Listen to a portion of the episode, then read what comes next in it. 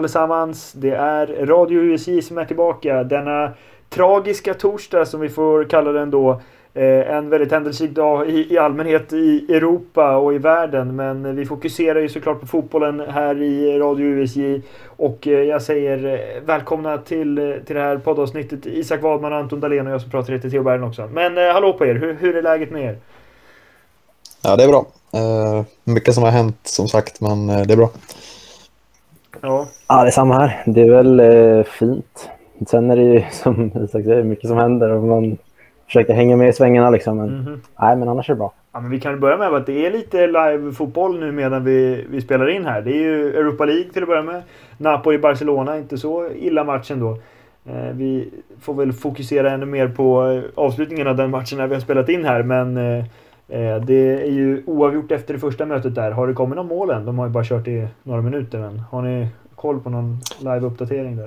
tror inte det, men jag kan ju säga i alla fall, jag har noterat att eh, Bode Glimt har i alla fall slagit ut Celtic nu då, ja, ikväll. Bode 2-0 eh, eh, i andra matchen mm. då. Och så att eh, fortsatt Europaspel för dem, det är kul. Ja, det blir otrolig, otrolig podd ändå att vi live-rapporterar något som är liksom ja. väldigt historia när man lyssnar på det här. Men ändå, Arsenal spelar också i, i Premier League nu, Isak. Eh, där går det väldigt det bra, eller vad säger du? Nej, det, de senaste fem har de väl, dominerat spelet lite, men de ligger under. Wang Hichan som eh, lyckades snå åt sig en boll och lägga in upp en kasse efter Gabriels misstag då, men eh, se vad som händer nu. Eh, ja. Ja, nej men det händelserikt denna Europa League-kväll och vi kan väl börja med det som har hänt den här dagen då som eh, eh om, även om man bortser från det fotbollsmässiga såklart har varit väldigt tung och dyster och tragisk i Europa med tanke på eh, den invasion som Ryssland har stått för eh, i Ukraina. Och vi kommer inte gå in på det politiska allt för mycket här, men vi kan ju bara konstatera konsekvenserna som det får eh, för fotbollen eh, i, runt om i Europa. Eh, och eh, för sporten i allmänhet. Det ska ha varit så här skidtävlingar och sånt som flyttas från Ryssland och det är massa sanktioner och så vidare. Eh, men lite konkret så kan vi väl bara säga några ord om Champions League-finalen som ska hållas i Sankt Petersburg, var tanken i alla fall. Nu har väl, har de gått ut officiellt Uefa än? Det har ju kommit uppgifter här. Först var de ju lite tveksamma där, men nu, alltså känslan är väl att den finalen flyttas, eller vad säger ni? Ja, det ska väl vara så. Det har väl inte kommit ut officiellt att den är flyttad, men det mm. som, som du säger, det ska mycket till att den ska spelas där liksom. Ja, och eh, även eh, eh playoff, eh, VM-playoff som väntar då Eh, Eh, i liksom Sveriges grupp så att säga. Där Sverige möter Tjeckien först på Friends Arena men där Polen möter Ryssland. Och då har alltså det har ju kommit vissa önskemål om att man borde bojkotta Ryssland i all form av idrott och så att de inte ens borde få delta. Eh, och, men, men även att man i alla fall inte borde spela det i Ryssland. Eh, vad, vad, säger vi om hela den här situationen egentligen som har brutit ut idag? Det är väldigt svårt att orientera sig i, i allt som händer. Men har ni några spontana känslor och tankar? Nej, men det är ju fruktansvärt såklart. Liksom. Och sen, visst, det är väl, finns väl grejer att prata om, om fotboll och sport hit och dit, men det är ändå människorna i Ukraina som ska vara i fokus. Liksom, att det är så jäkla hemskt för dem att man ska försöka hjälpa dem. Hoppas andra länder försöker hjälpa dem så mycket som möjligt i den här otroligt tuffa perioden. Och sen, självklart så påverkar det fotbollen också, men jag känner ändå att det hamnar lite i andra hand en sån här dag. Ja, nej men eh, helt rätt och riktigt. Men eh, vi väljer som sagt ändå fokusera på det här i Radio UC för det är väl det vi kan bäst trots allt. Eh, men vi kan väl dra någon slags koppling till Champions League som var igår då. Där, om vi börjar med Benfica-Ajax. Där blev det ju oavgjort 2-2 i Lissabon. Men det var ju ändå en uppmärksammad Eh, målgest eller vad man ska säga från eh, Roman Jaremtjuk Jaremchuk som gjorde det sista målet i den här matchen. När han tar av sig tröjan och visar en, någon form av ukrainsk symbol på tröjan. Eh, så att det, det, går ju an, liksom, det går ju som ett rött tema genom hela med fotbolls-Europa egentligen. Men eh, det kanske inte var huvudmatchen igår, men vi kan väl säga några ord om Benfica-Ajax i alla fall. Eh, Sebastian Allaire gör mål som han brukar, dock inte bara i, i rätt mål så att säga. Eh, vad, hur följde ni matchen igår? Även om jag antar att ni kanske inte följde den till fullo och så. Eh, men vad säger ni om Benfica-Ajax under gårdagen? Alltså, jag följde den en hel del ändå. Mm. Det var en jäkligt rolig fotbollsmatch att kolla på. Jäkligt... Eh, alltså mycket fram och tillbaka. Båda lagen liksom... Ja, men det var inte som att vi har sett i vissa Europamatcher att bortalagen backar hem och vill få med sig oavgjort. Här var ju liksom Ajax körde full fart, Benfica körde full fart framåt. Och det har varit en jäkligt rolig match och 2-2 var väl ändå rättvist till slut där. Ajax var klart bättre i första halvlek, men Benfica kom tillbaka och gjorde en riktigt stark andra halvlek. Ja, och ett, eh, ett öppet läge inför returen helt enkelt. Eh, men känslan är väl ändå att Ajax är, det bättre laget, eller vad säger ni? Ja, det känns väl så. Eh, särskilt den formen de varit i gruppspel, liksom Klott Dortmund då, liksom dominerat i gruppspelet med Allerda som eh, liksom spjutspets. Så att det känns som de har det lilla eh, extra liksom i deras eh, trupp och chanser. Så att eh, jag skulle tro dem, men eh, Benfica står ändå upp bra så att eh, det är lite eh, det är lite ovisst. Ja, och han sprutar de, ju. De, ja. Ja, kör du. de var väl lite, alltså jag tycker ändå Ajax var lite väl stora favoriter enligt många på förhand. För liksom, ja men om man kollar på visst, Ajax är otroligt bra i holländska ligan, men liksom portugisiska ligan håller jag i alla fall några snäpp högre upp. Och Benfica är ändå ett topplag där och visst, Ajax gjorde det bra i gruppspelet, men tror ändå, alltså det är ändå helt öppet nu inför andra, andra matchen. Men sen är väl Ajax favoriter nu när de är hemmaplan också. Ja, nej, men det, det, låter väl rimligt. Men just Sebastian Allaire, hur många mål är han uppe på nu i det här Champions League? Eh, det här, ja, den här Champions League eh, året egentligen, säsongen. 11, 11 tror jag. Ja. 11 tror jag. Det är inte så illa. Alltså 17 är ja. väl Ronaldos rekord för en säsong totalt. Och då krävs ju då att Ajax går lite längre. Men om man håller sitt snitt så är ju typ inte det omöjligt om de går till final. Vilket känns ganska orimligt å andra sidan. Men eh, imponerande av eh, Sebastian Laer som som sagt kan göra eh, mål inte bara i Benficas bur så att säga. Eh, men samtidigt under gårdagen så spelade ju Atletico Madrid eh, mot Manchester United också. Eh, väldigt intressant match såklart. Där vi fick en svensk målskytt i det här 1-1 mötet som, ja de får vara glada Manchester United att de får med sig en poäng för spelet glimrade väl inte allt för mycket, eller vad säger ni?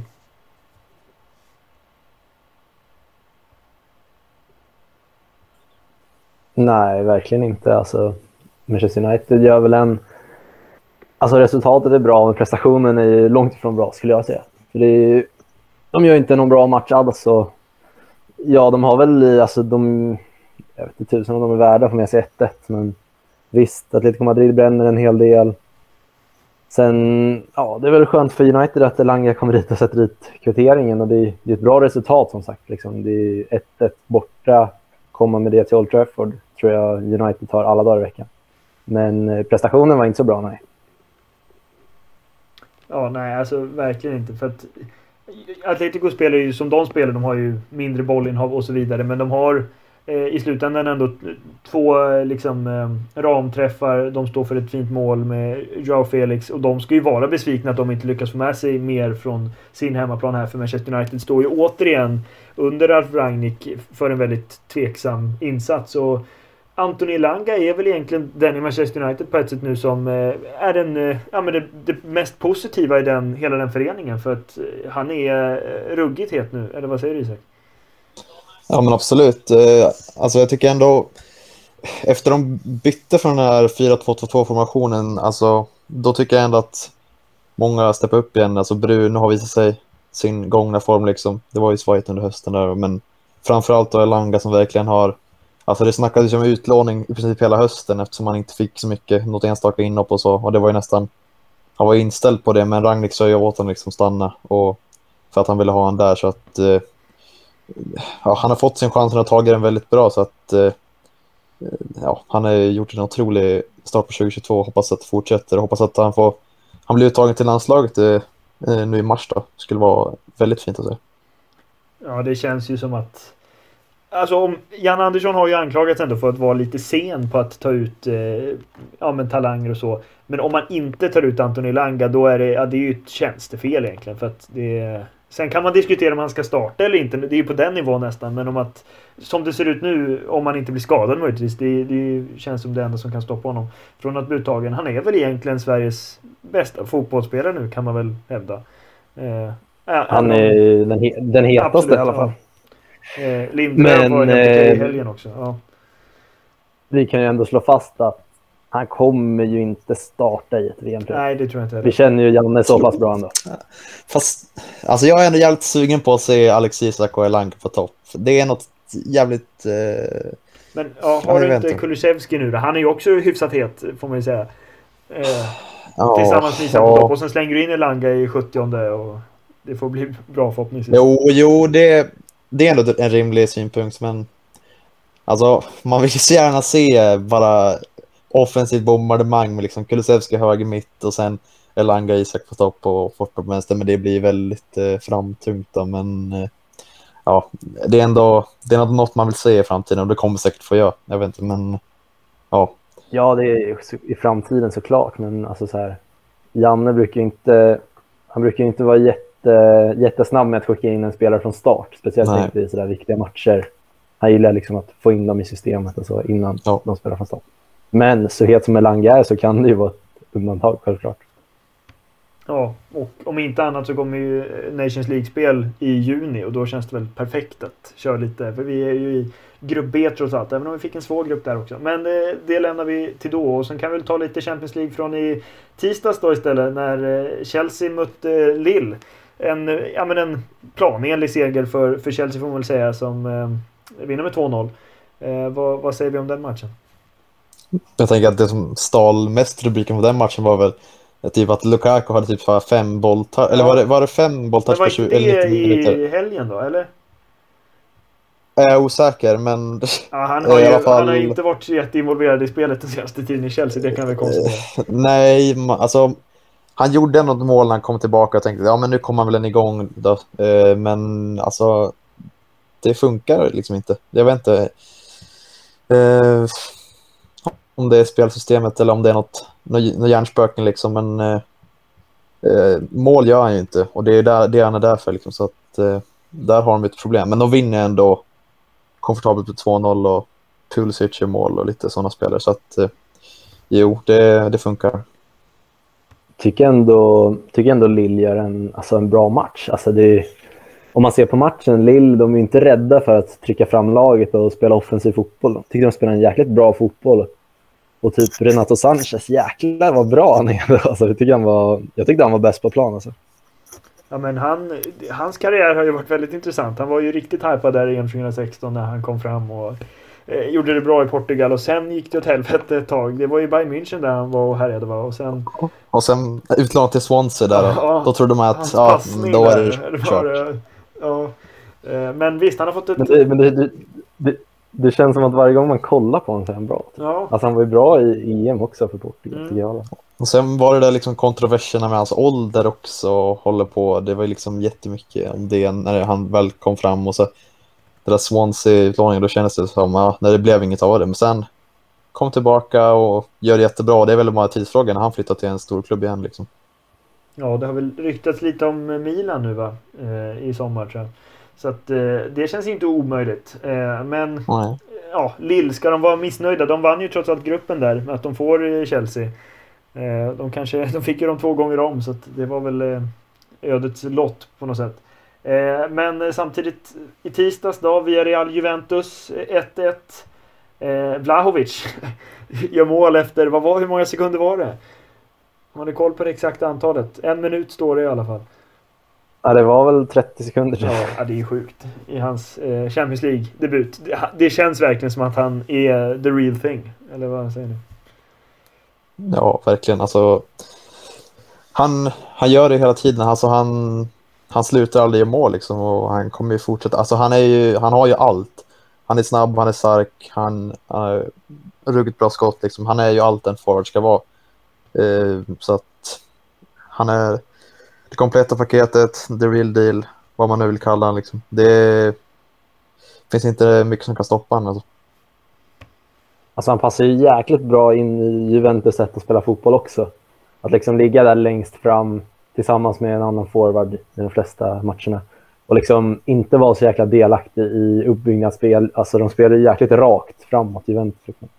Och eh, det enda som jag har sett lite som en svaghet för Vlahovic just nu, det är att han han blir ganska isolerad från spelet, alltså i uppbyggnaden. Det är liksom på offensiv tredjedel där han blir så jäkla farlig. Liksom. Men han är inte jättebra i det här kombinationsspelet, så, av det jag har sett i alla fall. Men som ni säger, en komplett nya striker. Han kommer göra hur mycket mål som helst för Juventus tror jag. Ja, verkligen. Eh, jag följde inte matchen så noga via Real Juventus, men eh, det känns ju ändå som att Juventus kan vara ganska nöjda med att de får kryss med sig här och att de sen i Turin kan väl gå och vinna mot Villarreal. Äh, men Villarreal känns ju ändå starka, eller vad, vad säger ni om, om deras säsong och Champions League-spel? Ja, alltså de, de är alltid där och hugger lite. Nu är de en, en tillbaka i Champions League och levererar bra. De har ju några liksom, uppstickare som, som han eh, Danjuma Kronevald, eller hur man ska uttala det, han som var i Bournemouth förra säsongen och gjort stor succé nu i Villarreal. Och, ja, alltså, det är inget dåligt lag alls. Liksom. De, eh, alltså, man kan inte räkna bort dem inför den här matchen, men som sagt, Juventus hemma eh, i Turin, det blir svårt. Men helt borträknade är de inte. Nej, eh, så är det. Eh, och eh, samtidigt som det har varit eh, Champions League-vecka så har det ju varit lite Premier League-vecka också. Eh, det är ja, lite rörigt när de måste blanda ihop den där. Så var det ju väl i United förra eh, veckan också. men det har ändå varit lite trevliga matcher. Och ska vi börja med den Eh, den matchen där mellan Burnley och Tottenham igår. Det är, eh, ja vad kan man säga, upp som en sol och ner som en, jag vet inte vad då, för Tottenham som går och vinner alltså mot, mot Manchester City i helgen. Och vi kan väl nämna några ord om den matchen också. Men sen går och förlorar mot Burnley.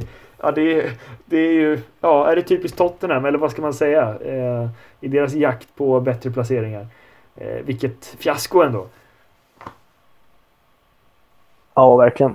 Den där matchen måste man ju vinna om man ska greppa tag i topp 4-striden där. Men nej, alltså precis. De vinner med Manchester City och sen förlorar mot Burnley. Innan det förlorar mot Wolves och innan det förlorar mot Southampton. Så Antonio Conte var ju inte jättenöjd i intervjun efteråt som man kunde se.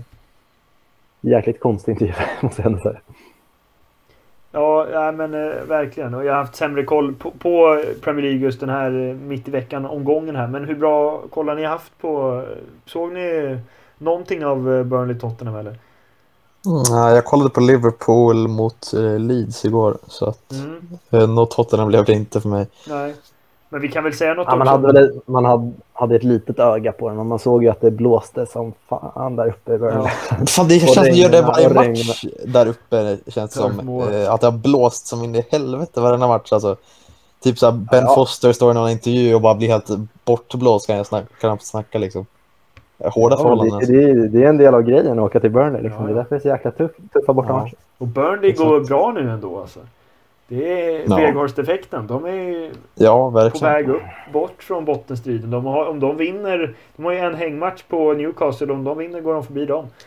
Eh, så att, eh, ja, starkt av Burnley. Och kul då för Dejan Kulusevski som ändå har fått starta två raka matcher här för, för Tottenham. Och som verkligen eh, ja, men, eh, liksom satte sitt namn på kartan eller vad fan man säger.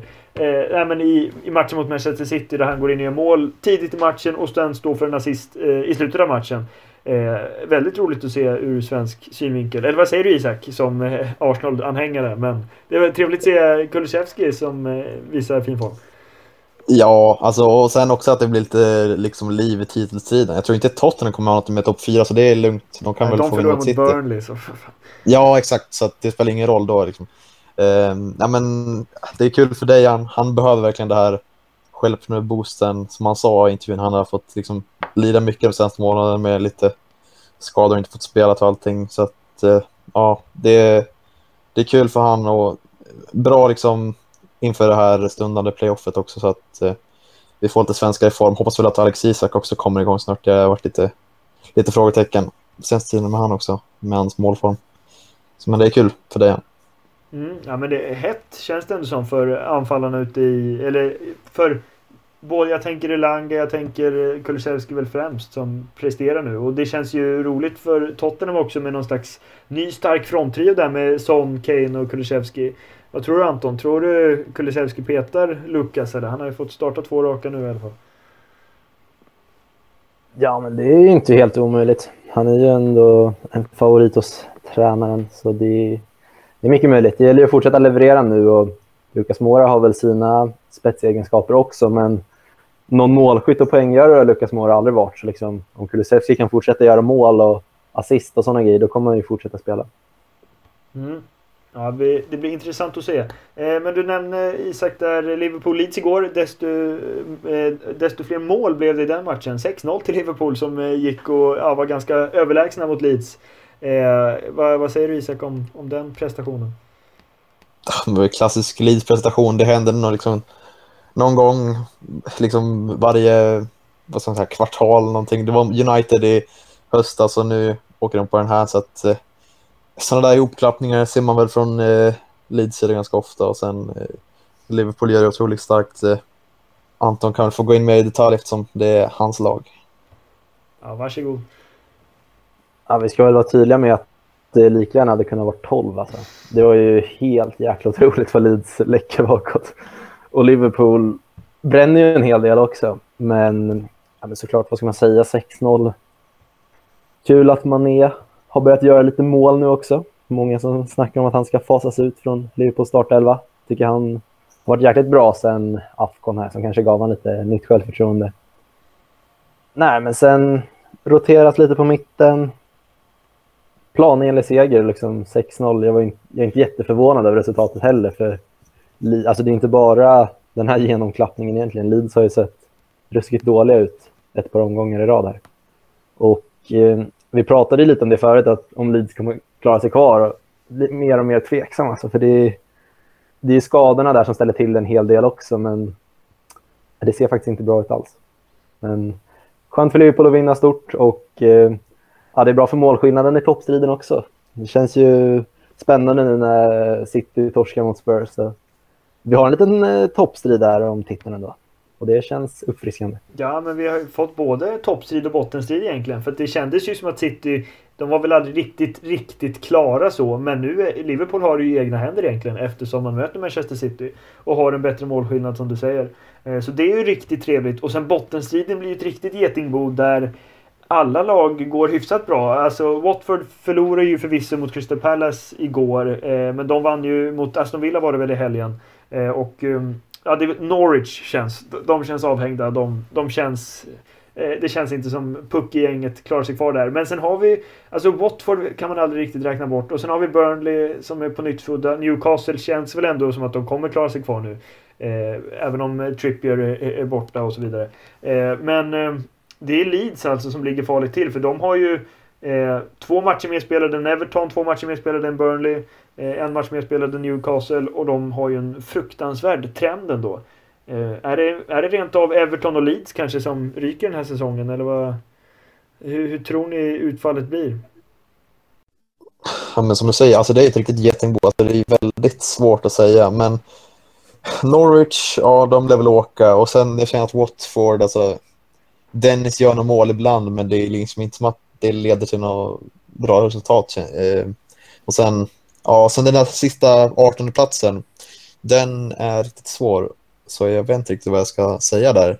Um, men Leeds, alltså det känns väldigt tufft för dem om det fortsätter så här liksom, med skador och allting. Och, ja, jag säger ändå Leeds. Det känns uh, väldigt svårt för dem. Ja, men just eftersom man, man, man, tror ju, man tror ju inte att Everton åker ur jag tror heller inte att Newcastle gör det. Och Burnley tror jag fan inte heller att de lyckas åka ur. Så då är det ju typ Leeds kvar.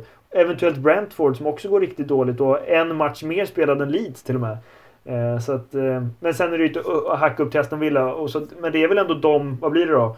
Sju lagen som gör upp om det på något sätt. Eh, eller har ni något, något annat? Du hade ju, förut hade du det Anton att eh, Wolves skulle gå till eh, Champions League. Vilket inte kanske är helt omöjligt. Men eh, har du vinner något de, vinner de, Vinner de ikväll så alltså, ja. då ser det ganska, ganska bra ut för Wolves. Ja.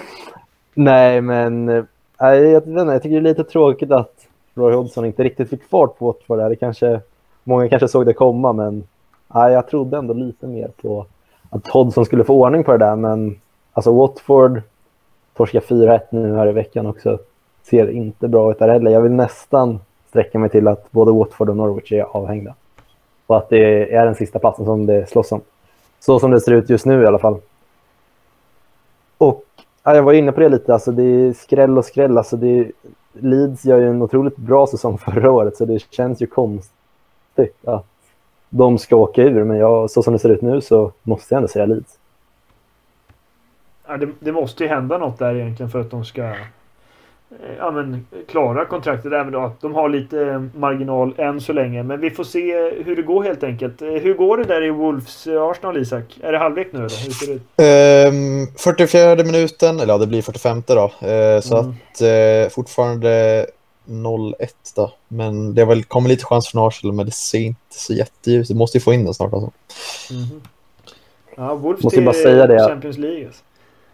Alltså trötta jävla Burnley att de ska klara sig kvar ett ja. till. Alltså. Du sa ju det för några poddavsnitt sen att ja, nu åker de ju ur såklart. Det blir skönt. Ja, de, de var ju uträknade, de var ju uträknade av alla. Ja. De var ju uträknade av alla. De, hade ju, de var ju vunnit och spelat lika varenda match här nu de hade. Som släpade. Men... Fy fan om de ska klara sig kvar. Ja, jag tror de kommer göra det nu också. Det ser fan bra ut. Ja. Det är... Men det är så tråkigt. Ja.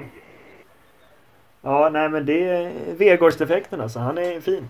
Eh, men vi kan väl nämna också nu när vi spelar in här att ehm, som sagt, det, det struntar ju lyssnarna i på ett sätt eftersom det är ganska självklart då. Men eh, Barcelona leder med 2-1 mot Napoli eh, efter 30 minuter i Europa League och eh, vi har ehm, ja men Braga lever mot Sheriff och, och så vidare.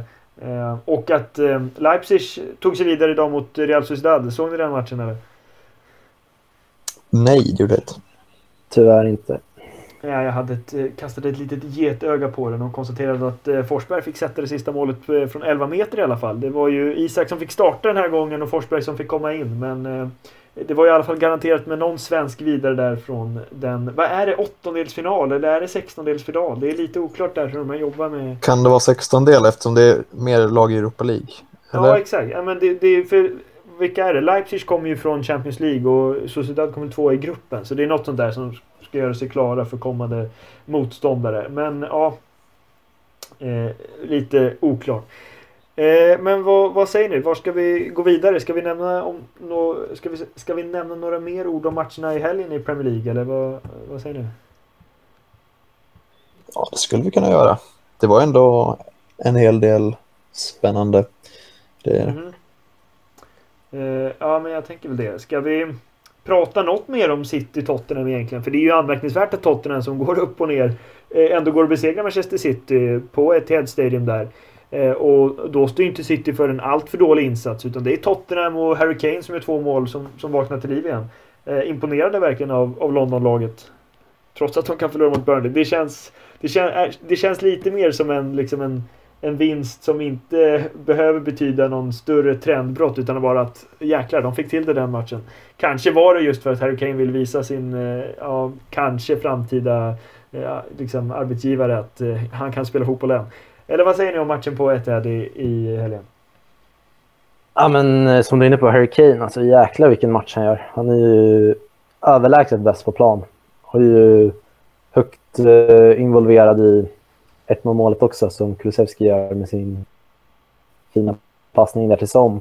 Så gör han två mål själv, inkluderat det avgörande. Och, ja, men, eh, som Tottenham-supporter måste det ändå kännas lite skönt att se att Kane inte för att jag är Tottenham-supporter, men för Tottenham-supporterna så måste det kännas skönt att ja, men Kane är tillbaka lite ändå. Alltså, han har ju haft en tung höst här och om han kan komma i form igen så ja, men han är ju otroligt viktig för Tottenham och hela deras anfallsspel. Så liksom, även om Son är bra han också, men det, det hänger jäkligt mycket på att Kane är i bra form och om han hittar tillbaka nu så kan det bli en rolig vår för Tottenham ändå. Ja, verkligen. Eh, och en eh, rolig match var det där i lördags. Eh, och frågan är ju vilka konsekvenser egentligen det kan få för Manchester City. För Liverpool går ju bra, slog ju Norwich, vilket man såklart ska göra, men övertygande med 3-1 i helgen också. Och Luis Diaz gjorde mål. Hur har han kommit in, säger du Anton, i, i Liverpool? Alltså helt, helt orimligt bra. Alltså, mm.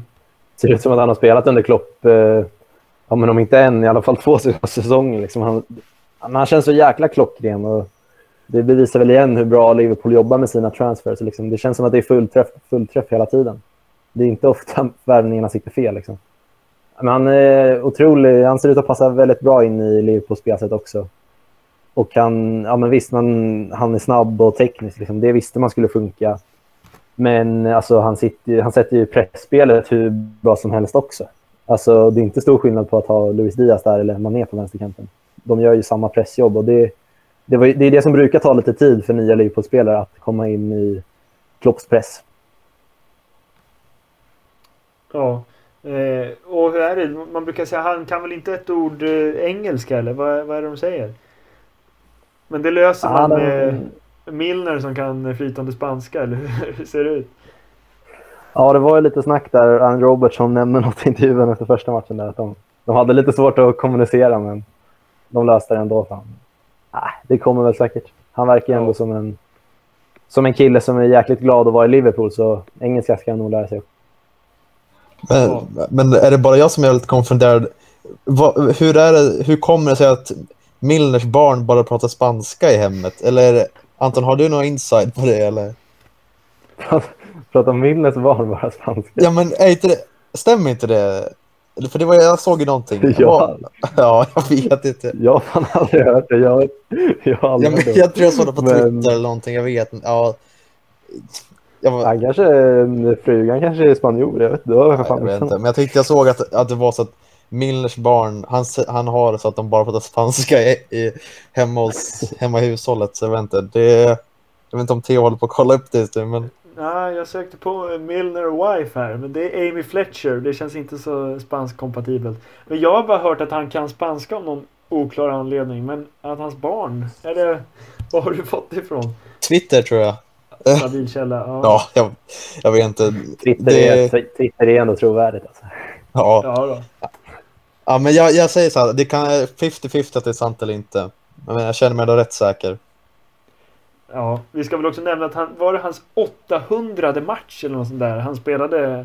Eh, var det nu i helgen eller eh, James Milner? Så. Alltså han har ju Ja, spelat... något var det? sånt. Alltså, det är helt galet. Han har väl hållit på sedan början av 2000-talet. Eh, liksom. Ja, 2002. Eh, Så i 20 år i 40 matcher per säsong var det någonstans jag såg. Eh, vilket är Mm. sinnessjukt. Och det- det snackas, en James eh, snackas, för, snackas förlängning här också nu. Exakt. förlänga. Klopp verkar ju vara väldigt eh, angelägen på att han ska skriva på ett till år. Så att, nej, Ja, han, men, eh, alltså, visst, han har ju tappat i tempot och det. Liksom. Det är ju ganska vanligt när man blir äldre, men alltså jäklar vad skönt det måste vara för en tränare att ha en sån spelare ändå. Som, alltså, han jobbar på stenhårt, är en otroligt bra förebild för de yngre spelarna. Och han skiter fullständigt i om han sitter på bänken. Liksom. Han tar det och förstår liksom, att det finns skickligare spelare framför honom. Och gör sina inhopp och kan spela på typ alla positioner också. ja, man har sett lite att i någon match i, den här säsongen när han spelat i defensiven, han kanske inte tänkt med på ytterbacksplatsen där och i själva löpduellerna, men alltså på mittfältet där han är otroligt nyttig. Han gör sitt jobb liksom, jobbar hårt fortfarande med det han har så att, eh, som du säger också, ledarfigur, bra gubbe har omklädningsrummet, verkar som en skön typ liksom. Så att, eh, ja, jag gillar Milner. Nu när vi ändå hyllar James Miller, liksom, han, är jäkligt, han är jäkligt underskattad i spelet med bollen också. Det var ju typ året när Liverpool eh, ja, men förlorade Champions League-final mot Real Madrid. Då slog han ju typ assistrekordet i Champions League också. Och eh, han har ju en fin framspelning till Origi mot Leeds där också som leder till Manés andra mål. Ja, men han är i allmänhet lite underskattad alltså. Allt han har gjort i många klubbar ändå. Eh, och han har eh, Champions League-titel med, med Liverpool också. Så att, nej men eh, all eloge till James Milner verkligen. Övriga matcher från helgen då. West Ham Newcastle 1-1. Ja, det känns väl som att tåget lite går för West Ham här i Champions League-platserna. Det är inte över på något sätt såklart, men eh, det är många som är uppe och fightas om det. Även om Manchester United går ju dåligt. Tottenham går dåligt på ett sätt. Eh, Arsenal går väl i och för sig helt okej, men de har ju starka Wolverhampton emot sig. Så det kanske är Wolves, trots allt, som går och tar den här sista Champions League-platsen. Eh, de har just nu sex poäng upp till Manchester United, men å andra sidan två matcher mindre spelade. Så att vi får se hur det går där. Eh, Burnley stod i Brighton med 3-0 och det är... Ja, det är Burnley som står för the great escape här eller något. Eh, och, och Brighton har ju väl egentligen ingenting att spela för riktigt, för de ligger där i, i mitten. Eh, I övrigt då? Ja, men vi nämnde att Watford slog Aston Villa. Eh, Everton fortsätter gå dåligt, förlorar mot Southampton. Chelsea tog, eh, och även i helgen, en planenlig seger och vann mot Crystal Palace med 1-0. Eh, Wolverhampton vann mot Leicester med 2-1. Och, Ja, ska vi landa i Arsenal-Brentford så kan du få säga några ord om den Isak där. Eh, 2-1, det kändes väl ja, men som ett hyfsat stabilt Arsenal ändå. Jo, men det var ju stabilt och Nörgård får in den boll på slutet. eh, Alltså, men 2-1 kanske inte spelar matchbilden för Arsenal var ju ganska dominanta. Och, så att, eh, ja, men det var ju en stabil seger och det är sådana segrar man måste ta och det gör de. Så att, eh, ja, som du säger, stabilt. Det är väl det jag har att säga om den matchen. Ja, eh, och den match som innehöll eh, flest mål i helgen, det var ju Leeds Manchester United. Eh, där United ändå, nu möter de ett dåligt Leeds, eller de har ju dålig form i alla fall, men eh, de lyckades få med sig alla tre poäng och det kändes som en positiv effekt på något sätt när Rangnick fick eh, igång sina byten och, och allting där. Eh, om vi, vi tar lite ord om, om den matchen. Eh, svängig match mellan två ja, eh, svårtydande lag, eller vad, vad säger ni? Jäklar vilken match det var. Alltså, fy fan. Alltså, både tempot och närkamperna liksom. Ja, men det känns lite som att man var tillbaka på 80-talet. Domaren bara spela på, spela på. Det Atmosfären på arenan och allting också. Ja, atmosfären. Ja, det var en fantastisk match för neutral att kolla på. Alltså, det var otroligt kul. Men ja, jag vet inte, domaren, alltså, det hade ju kunnat vara tre, fyra röda kort i den här matchen. Typ McTominay hade väl typ ja, men sju, sex, sex, sju gula kanske. Domaren fick väl upp ett till slut i 80, 85 eller något.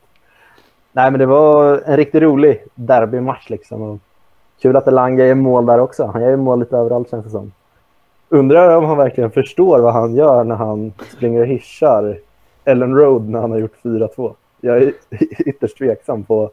Ja, Jag har sett en jäkla massa på Twitter nu. Fy fan vad de hatar han i Leeds nu alltså. Men fast, vad fan, det, kan han, det kan man unna. Han har fått- en tändare i huvudet. Det kommer man få hyscha fansen Ja. lite efter man har tystat dem. Det, det tycker jag han är väl värd faktiskt. Jo, men det är alltså... Ja, Han är, det, han är för evigt uppskriven på Leeds supporterskaras blacklist. Liksom. Alltså, Ja, de, de hatar han ju för livet resten av hans karriär nu. Så. ja. Nej, men jag tyckte det var lite kul ändå. Ja men exakt, händelserik match som ni säger. Det var väl eh, liksom ja, men mycket som hände just eftersom han får saker inkastade på sig också, vilket såklart är jättetråkigt. Men att han får någon slags eh, revansch eh, där. Så att ja, eh, rolig match från Ellen Road. Ehm, men eh, ja, ska vi knyta ihop säcken? Det är ju halvlek nu eh, i våra live-rapporteringsmatcher här va? Eller nej, det är Napoli-Barcelona och, och de andra Europa League-matcherna närmar sig ju halvlek här. Men det är fortsatt 2-1 till, till Barcelona. Vilka har gjort mål? Eh, det har eh, Jordi Alba och Frenkie de Jong gjort. Eh, och Insigne på straff. Så att vi får se hur det går i Europa League där helt enkelt. Men konstaterar som sagt att Leipzig är vidare från Sociedad från tidigare idag. Och så vidare. Har ni något mer att tillägga egentligen här innan vi avrundar eller? Jag har kommit till en conclusion på James Milner-frågan. ja. Um, Sport Bible. James Milner only speaks to his children in Spanish, while his wife uses another language. Så att han Jaha. pratar med sina barn på spanska. För att de ska lära sig då? Eller för att... Det, eh, det är väl lite oklart. Jag har inte läst För- så mycket mer. Men hon, Amy Fletcher känner jag inte har någonting, eh, nå- något spanskt i sig på något sätt. Så att han kan bara spanska om någon oklar anledning. Nej, han- sina barn. han kan spanska för att eh, när han spelar i City så brukar han, brukar han prata med David Silva och Pablo Zabaleta. Så då har han fortsatt Jaha. Ja. Ja. Det känns ju som ett bra sätt att hålla igång spanskan ändå. Att prata med barnen hemma. Liksom. Ja, Ja. Oklart om de Ja. förstår något. ja. ja Men, de eh, dubbelspråkiga. Ja. Jag tänker lite nu in på Arsenal. Där. Alltså jag, jag ställer mig så jäkla funderande till uh, Smith Rowe. Alltså varför får han inte starta när alla är tillgängliga? Jag tycker att han, Ja. kanske efter Saka då, så tycker jag att han är Arsenals bästa spelare. Och jag överdriver inte. Jag tycker Smith Rowe är otroligt bra. Men när alla finns tillgängliga, då sitter han alltid på bänken. Ja. Han leder ju till exempel interna skytteligan med typ nio mål. Eller. Ja, jag vet inte. Alltså, det om, du har, om du har några bra svar på det. Liksom. Om du, när du kollar mer på Arsenal än vad jag gör. Alltså, Martinelli har ju mer den här löpa... Alltså han är väl lite mer X-faktor. Han, har den här, alltså han är lite mer ettrig och lite mer irrationell och kan ju löpa djupled och sånt här. Men jag tycker också Smith... Jag, jag håller Smith Rowe före för han är ju mer en komplett anfallare. Liksom. Han kan ju göra lite vad som helst. Och han är ju ingen dålig löpare heller. Så att, alltså, samtidigt är det ju bra att ha en liksom, bra konkurrenssituation. Men jag tycker att Smith Rowe, han får ju starta alldeles för lite. Liksom. Han, de borde ju ändå kunna rotera lite, även fast Martinelli har gjort det jättebra på sistone. Men ja, det, det är lite konstigt. Men så fort han spelar så gör han mål. Ja, exakt. Han kommer ju in i Så fort han starta. varannan match också. I, byts in och gör mål liksom. Mm. Ja. Ja, nej, men eh, får se fortsätta här då. Alltså om alla de fyra egentligen är tillgängliga, hur kan man inte få in alla fyra på något sätt? Eller vad säger du? Isak? Alltså, alltså Ödegård, Saka, Martinelli. Nej, men jag tänker Ödegård kanske kan sitta mer, alltså vara mer defensiv mittfältare uppställd så. Man får in Martinelli, Smith Rowe, Saka och Lacazette längst fram då, eller hur? Ja, alltså jag vet inte. Det kanske blir lite offensivt lagt. Alltså jag vill ändå ha, jag vill ändå ha Partey och Xhaka där bak som en slags ankare för att ha lite stabilitet och som jag fattar hur jag tänker. Jag, det, alltså, Arteta har ju säkert försökt lite grann. Det är lite diffust vad han kör för formation ibland, men eh, när eh, Partey var borta på Afcon då var ju Ödegård lite längre ner, men jag vet inte. Ja, alltså skulle kunna gå och testa, men det finns inte så mycket tid att liksom experimentera nu i den här liksom, stadiet av säsongen. Men eh, ja, jag vill se Smith Rowe mer. Jag tycker han är jättebra. Så att, eh, ja, det är tufft. Ja, men vi får se. Och jag konstaterar att det är inte någon eh, Arsenal-match i helgen, utan det är den just nu vi får nöja oss med. Ja, exakt. Nästa är mot Watford den eh, 6 mars där. Men lite Premier League-fotboll är det trots allt i helgen. Trevligt. Även om Leicester-Chelsea är uppskjuten av någon oklar anledning. Vad, vad beror det på? Har ni koll? Nej, Det det känns är ju... liga, ligacupfinal. Det är därför ja, Arsenal, just det, just det. Arsenal, det är därför Arsenal också är uppskjuten, för de skulle möta Liverpool. Så är det. Mm. Ja, men eh, det är fortfarande en tabell som är, ja, den är inte eh, i takt så att säga. Eh, men någon gång ska det väl bli det också och vi får fortsätta följa toppstriden och bottenstriden i Premier League som ändå lever nu, vilket är kul som utomstående betraktare. Eh, men vi ska väl börja runda av det här avsnittet. Trevligt att prata lite fotboll trots eh, dystra, en dyster dag här i Europa där Ja, det, det är krig i, i Ukraina vilket är hemskt på alla sätt och vis. Och som du sa i början där Anton, det är naturligtvis tankarna som går till, eh, ja, men till, till de drabbade i Ukraina främst. Och vi får hoppas på att eh, det blir fred så snart som möjligt även om ja, det känns jävligt tungt på många sätt. Eh, men eh, trevligt med lite fotbollssnack i alla fall. Har ni några sista ord ni vill avsluta med eller ska vi stänga av eh, det här avsnittet för den här gången? Nej, jag har inget. Nej, du får kolla andra halvlek Arsenal-Wolverhampton helt enkelt. Exakt. Så ja, de som lyssnar lär ju veta hur det gick när Ja. de lyssnar på det här. Men vi lever än så länge i ja, det, det osäkra, det, det oklara utfallet. Men eh, Det tack så mycket. 1-1. Det blev 1-1. Kan jag Ja, Vi nu. får, vi får väl se. Vem gör målet då för Arsenal i så fall? Smith Rowe. Klart. Gabriel, Gabriel revanscherar sig där från Ja. misstaget. Mm. Det är ett mål. Gabriel, knoppade in den. ja, och sen kommer Smith Rowe in, säger jag då, i 77 och sätter 2-1. Ja, jag säger att det inte blir något mål för Arsenal, så får vi se. Får följa upp det här i nästa avsnitt på podden. Ja. Eh, men eh, tack så mycket Isak och Anton för att ni var med i alla fall och tack till alla som har eh, lyssnat. Så återkommer vi eh, när det passar och, och blir bra. Eh, så ha det bra tills dess. Hej då! Hej då. Hej då.